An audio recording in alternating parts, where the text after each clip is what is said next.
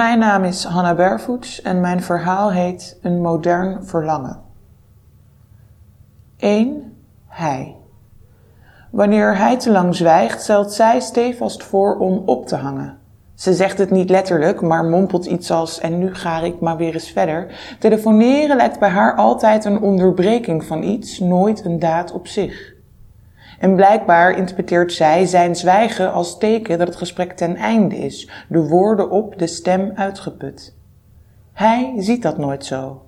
Voor hem is samen zwijgen een hogere vorm van samen zijn. Samen zijn zonder het cement van woorden, wie dat kan, is er klaar voor.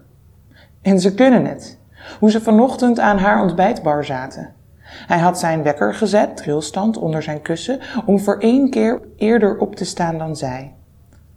In de supermarkt had hij pistoletjes gehaald. Zij had boter en marmelade op de bar gezet, sneed het topje van haar pistoletje, besmeerde het met boter en doopte het in de marmelade. Ze zou de procedure naar iedere hap herhalen en hij zou haar nadoen. Het hele ontbijt hadden ze geen woord tegen elkaar gezegd. Ja, zij zijn er klaar voor. Hij kijkt opzij. De tram schudt en schommelt, maar haar gezicht blijft onbewogen, een boei in de golven. Hij draait zijn hoofd naar het raam. Was dat de laankopers van Kattenburg? Dan is het nog vier haltes tot de Nieuwe Duinweg. Daarna zullen ze nog een paar minuten moeten lopen. Het is, zoals voorspeld, gaan regenen. Druppels slaan met kracht tegen de ruit en glijden dan gebutst omlaag. Kleine kamikaze-soldaatjes schieten door hem heen. Gelukkig heeft hij een paraplu mee. Het is een groot ding. Als zij straks tegen hem aanvlijt, dan passen ze er samen onder, hoeft geen van hen nat te worden. 2. Zij. Over vier haltes moeten we eruit, fluistert hij in haar oor. Ze knikt, ze weet het, ze heeft de hele rit meegeteld. Ze kijkt naar buiten, de stoepranden, trappen en gevels donker gelakt door de regen. Dan laat ze haar arm van haar schoot glijden. Haar vingers zoeken zijn vingers. Zijn hand omklemt de haren zodra hun palmen elkaar raken. Het gaat huist automatisch. Ze denkt aan hoe vleesetende planten vliegen vangen. Normaal doet ze dit nooit hoor. Normaal is hij degene die haar hand pakt en meestal laat ze hem. Maar ze heeft dus wel liever dat hij haar hand vastneemt dan dat zij de zijne moet grijpen. Ze wil niet zijn moeder lijken. En zo komt het ook niet over, dat weet ze heus wel. Zij ziet er nog goed uit en sinds hij zijn baard laat staan, kan hij voor zowel hippe twintiger als luie dertiger doorgaan, maar het is het idee. Ze knijpt in zijn vingers, hij knijpt terug. Ze tuurt wat voor zich uit richting het monitortje waarop de haltes als een omgekeerde aftiteling omhoog rollen. Ze voelt dat hij naar haar zit te kijken. En ze ziet hem vanuit haar ooghoeken grijnzen. Straks krijgen ze een lijst met moeilijke woorden en cijfers, heeft dokter Amarassi hen de vorige keer uitgelegd. Ze zullen de uitslag rustig bespreken, maar het zou handig zijn als zij en haar man, haar vriend, juist ja, als ze van tevoren afspraken zouden maken over het toelaatbare. Zij had naar de poster aan de muur achter dokter Amarassi gekeken. Wie wist dat zo'n navelstreng haast breder dan een armpje is? Hij had haar hand vastgepakt en allebei hadden ze geknikt. Ja, dokter Amarassi, ja, dat zou handig zijn, ja. 3. Hij. Hij voelt in zijn zak. Heeft hij zijn OV-chipkaart dan toch weer in zijn portemonnee gestopt? Was ze alleen geweest, dan had zij vast een taxi genomen, maar ze weet dat hij een taxi zou willen betalen en ze wil hem niet op kosten jagen en hij weet dat. Ze drukken om de beurt hun pasje tegen het paaltje. Piep, piep, piep, piep. Als het zover is, zal hij zijn rijbewijs halen. Dat moet te doen zijn in negen maanden. Daarna zal hij haar overal naartoe rijden waar ze maar heen wil. Naar het strand en naar het bos en naar zo'n boerderijmarkt waar zij het laatst over had. Ze zullen hand in hand lopen en allerlei verse producten kopen. Muntbladeren om in glazen heet water te steken, kleine besjes om tussen elkaars lippen te persen, rietsuiker voor een echte mojito's, mojito's die hij voor haar zal maken voor ze cha-cha-cha gaan dansen samen. Een oppas valt dan vast wel te regelen. En heeft hij eenmaal een auto, dan zullen ze nooit meer door de regen hoeven lopen. Zijn hand om haar middel om haar zo dicht mogelijk tegen zich aan te drukken. Laat mij de paraplu anders vasthouden, zegt hij. Nee, het gaat wel. Dit is de juiste straat. Het gebouw lijkt nog witter dan de vorige keer, alsof de regen het schoongespoeld heeft. 4. Zij. Viel je voor zijn mooie ogen? vroeg Malou laatst. Of voor het idee dat die ogen jouw nageslacht zouden toekomen? Ze had er weer zoveel betekenend bij zitten grijnzen. Zijn ogen natuurlijk, had zij gezegd. Zijn ogen. Pas later besefte ze dat Malou haar verleid had een fout antwoord te geven. Nee, heus, ik ben gevallen voor zijn uiterlijk. Maar wat doet het ertoe waarom ze voor hem gevallen is?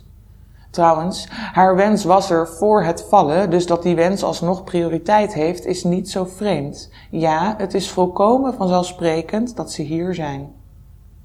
We hebben om half drie een afspraak met dokter Amarassi, hoort ze hem zeggen. De jongen achter de balie knikt en dirigeert hun blik met de zijne richting de stoeltjes, kuipstoeltjes uit één lijn, plexiglas, geen armleuningen, nadrukkelijk chic. Neemt u nog even plaats, zegt de jongen achter de balie. Dokter Amarassi is zo bij u. Vorige keer stond er een meisje achter die balie. Toen kregen ze een kopje koffie. Omdat uw nieuw leven een goed leven wil geven. De woorden glijden over een scherm aan de muur achter de balie als boventitels tijdens een opera. De jongen zou de zanger moeten zijn, maar zit zwijgend over een laptop gebogen. Ze kijkt opzij. Hij zat alweer naar haar te staren hoor. Hij lacht als ze hem betrapt. Ze lacht terug. Van gelukkige ouders komen gelukkige kinderen, komen gelukkige ouders, leest ze op het scherm boven zich. Het moet een jaar geleden geweest zijn dat ze die frase voor het eerst tegenkwam.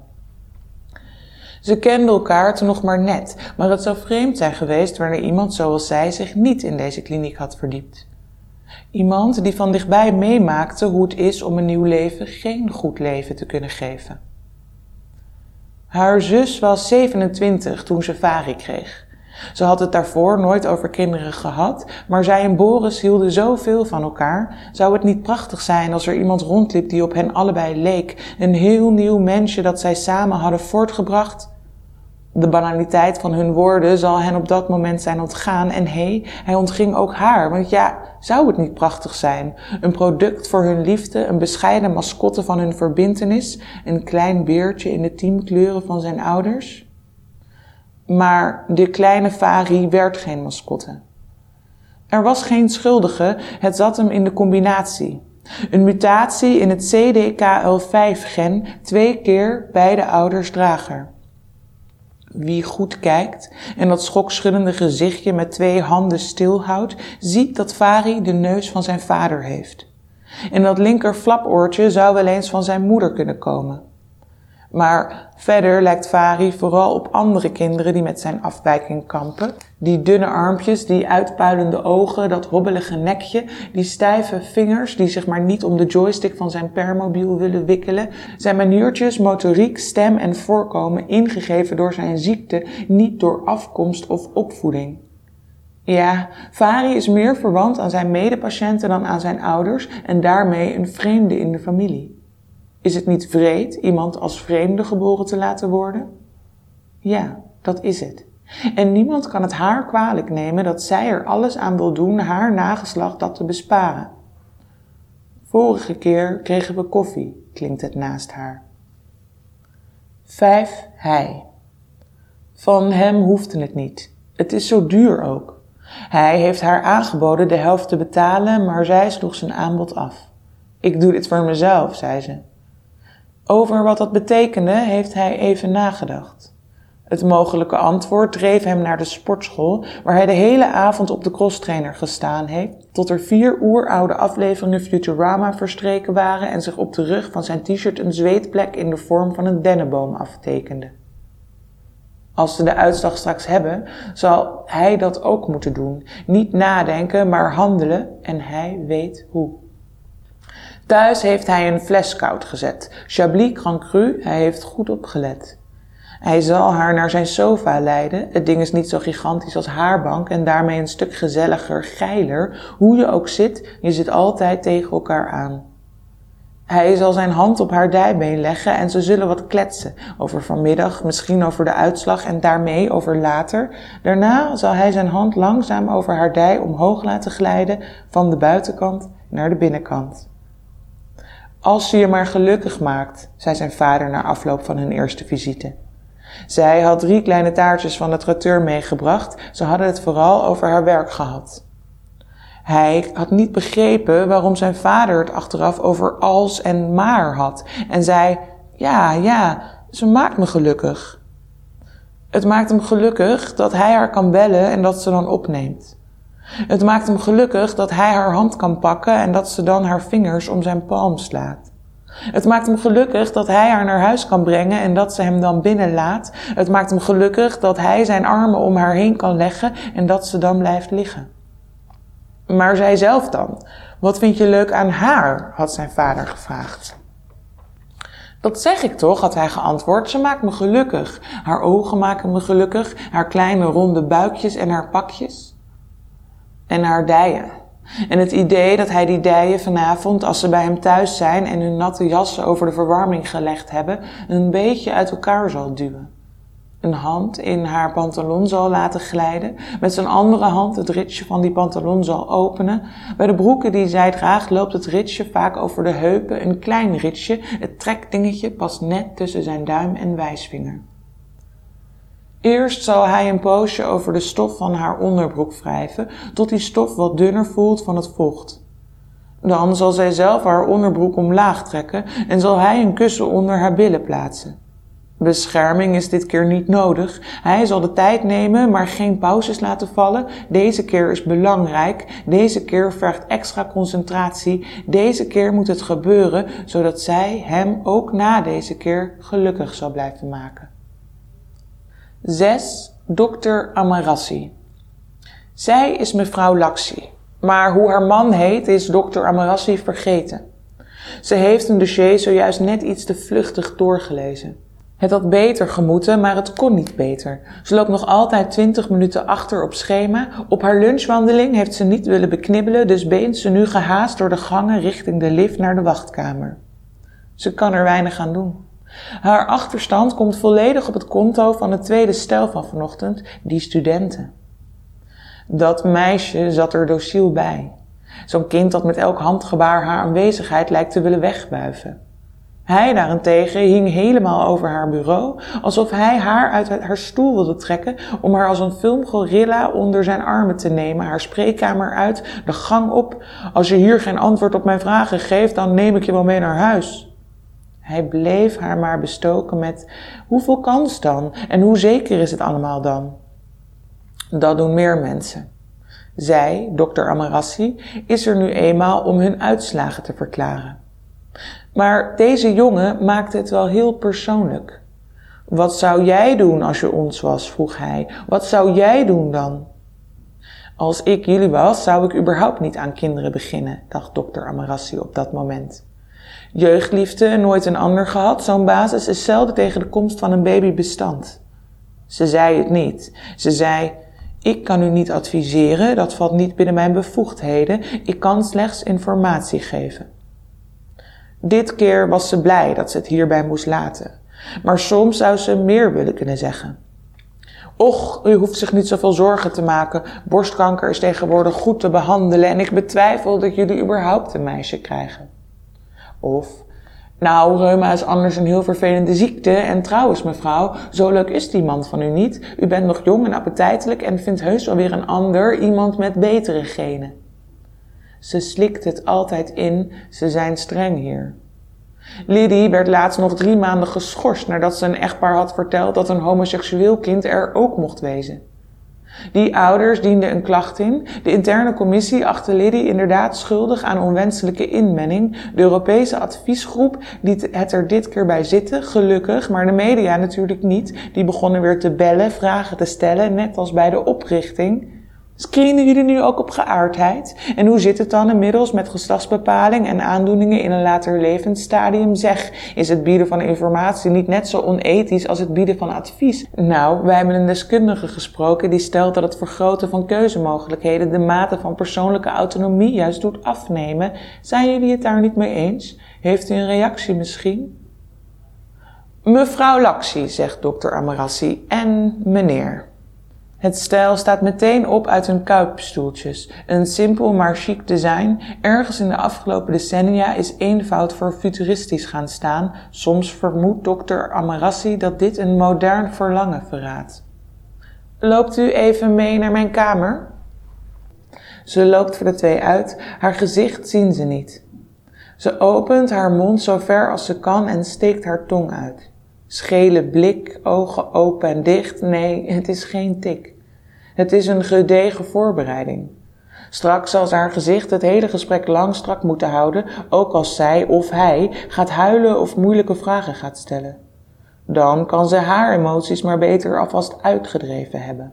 Nog één grimas, de laatste, happen, happen als een vis, mond open en dicht, kiezen op elkaar klaar nu. Komt u binnen, zegt dokter Amarassi. Ja, gaat u zitten. Ooit stond er een tissuehouder op tafel. Een tinnen ding, ze heeft het weg laten halen.